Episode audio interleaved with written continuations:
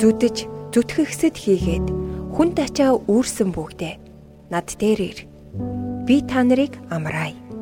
Матай 11:28 Амьсны баярын энэ өдрүүдэд амьдрал үхлээр дуустдаггүйг Бурхан бидэнд сануулдаг. Учир нь загалмай үхэл нь Христийн амьдралыг дуусгаж чадаагүй. Тэр үхлийг ялан дийлсэн юм. Дахин амьдсан Есүс Христ өдөр бүр биднийг өөрөөгөө ир гэж дууддаг учраас бид түүний дуудлагыг хүлээж авснаар Христтэй хамт мөнхөд амьдрах итгэл найдвараа батжуулдаг. Өнөөдөр бид Ариун Библийн Лук номын 6 дугаар бүлгийн 6-аас 11 дугаар ишлэлд өгүүлсэн хатангар гартай хүний түүхээс суралцах болно. Өөр нэгэн амралтын өдөр түүнийг синагогт орж сургаалаа зааж байхад тэнд баруун гар нь хатангарчсан хүн байжээ. Фарисеучуд болон хуулийн багш нар түүнийг буруутгах шалтгаан олохын тулд Амралтын өдөр тэр хүнийг Есүс эдгээ хэсгийг нь ажиглан ширтэж байлаа. Харин тэр тэдний бодлыг мэдээд хатангар гартаа хүнд бос урагшаа гар гэсэнд тэр босож урагшаа гарлаа. Есүс тэдэнд хандан би танараас асууя. Амралтын өдөр сайныг эсвэл мууг үйлдэх Ам аврах эсвэл ам хөнөөхийн аль нь ёсонд нийцэх вэ? Ингээд тэднийг бүгдийг нь тойруулан харснаа түүнд гараа сунга. Ингээд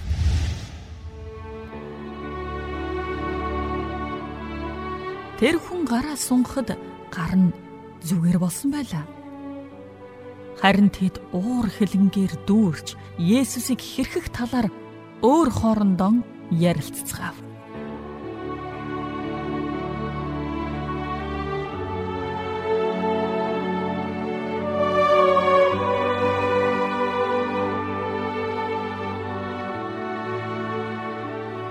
За энэ түүхийг сонсох болгонд ялангуяа амьсны баярын өдрүүдээр энэ түүхийг уншиж таарах юм бол нэг зүйлийг бол ойлгодог.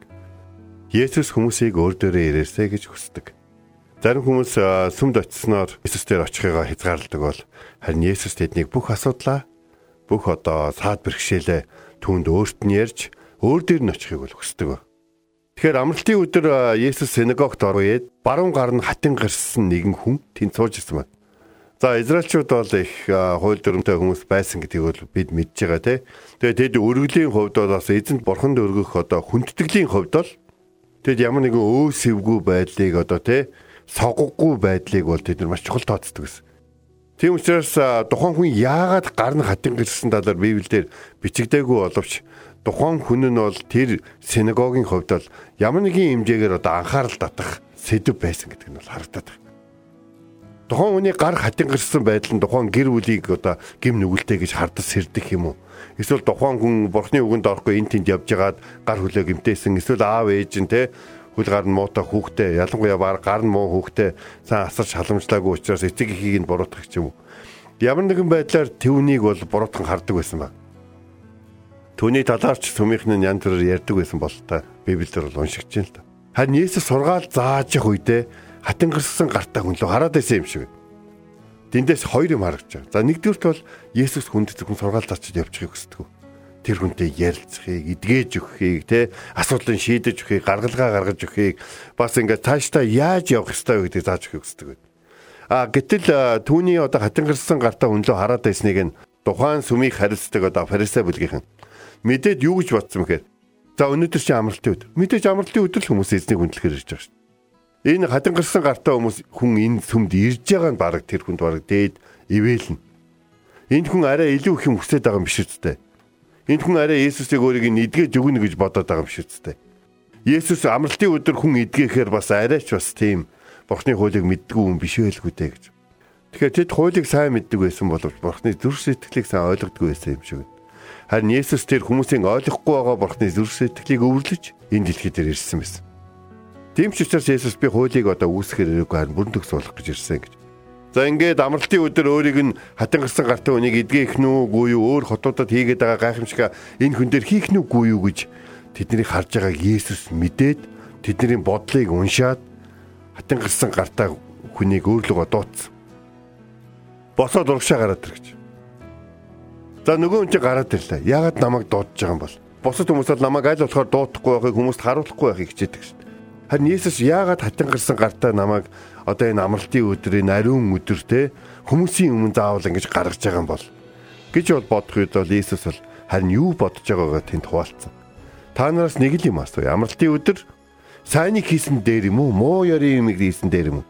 Амралтын өдөр одоо хүнийг аварсан дээр юм уу? Хөнөөснийн дээр юм уу? Та нар юу гэж бодож ийн юм гэж. Тэгээд бүгднгийн тойрогдод таарсан хинч хариулт хэлээгүй.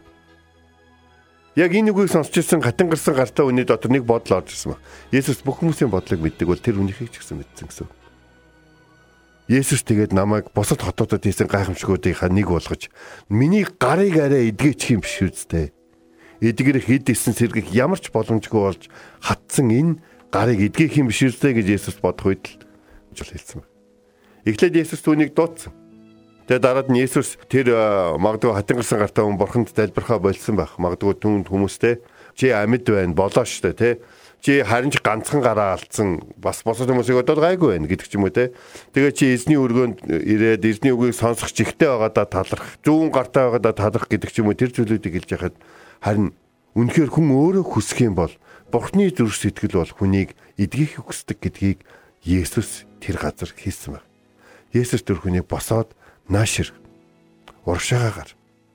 Над руу ир гэж дуудсан. Энэ Есүсийн дуудлага одоо хүн болгонд хамаатай. Олон хүмүүс э, Библийн зарим нэг хэсгээр Библийн зарим хэсгийг өгөөсгөж явдаг. Жишээ нь өвчтөе хүмүүс Паул залбирсан чинь Есүс "Эний чамд өгж байгаа юу хангалттай" гэж хэлсэн байсан. Надаас тэгж хэлж байгаа юм байлгүй. Гэхдээ тэгж хэлээгөө Паул гэсэн бид нар өөр дээрээ хүлээж авах харна Есүс дээр очиод та хүсвэл намайг эдгэж өгч чадна штэ гэж хэлв. Есүс биднийг үнэхээр өдөр болгон дуудав. Ингээд тэр хүн дараа сонгож хэлгээд хідээс сонгож байгаагүй сонгох шаардлагагүй сонгооч нэмэргүй гэдгийг тэр хүний бодол санаа туусан амьдрал нь хэлжсэн ч гэсэн Есүсийн харц Есүсийн дуудлагыг хараад тэр хүн гараа сонгоход эдгэрсэн байна. Зарим хүмүүс таны амьдрал тохиолдсон сайн сайхан зүйлд тийм дуртай байхгүй.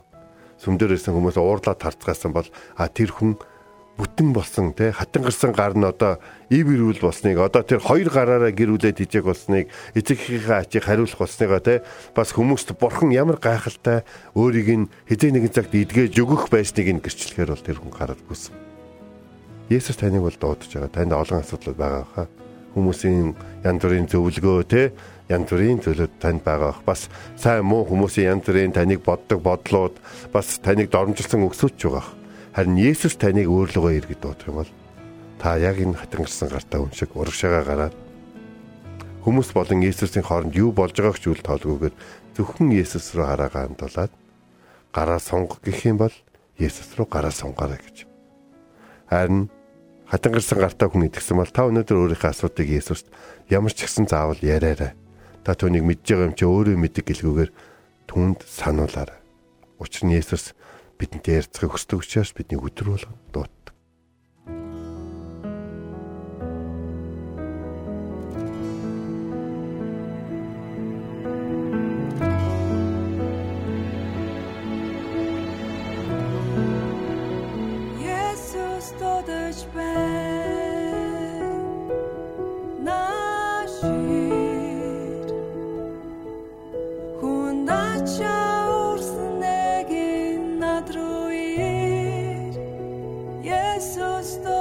much.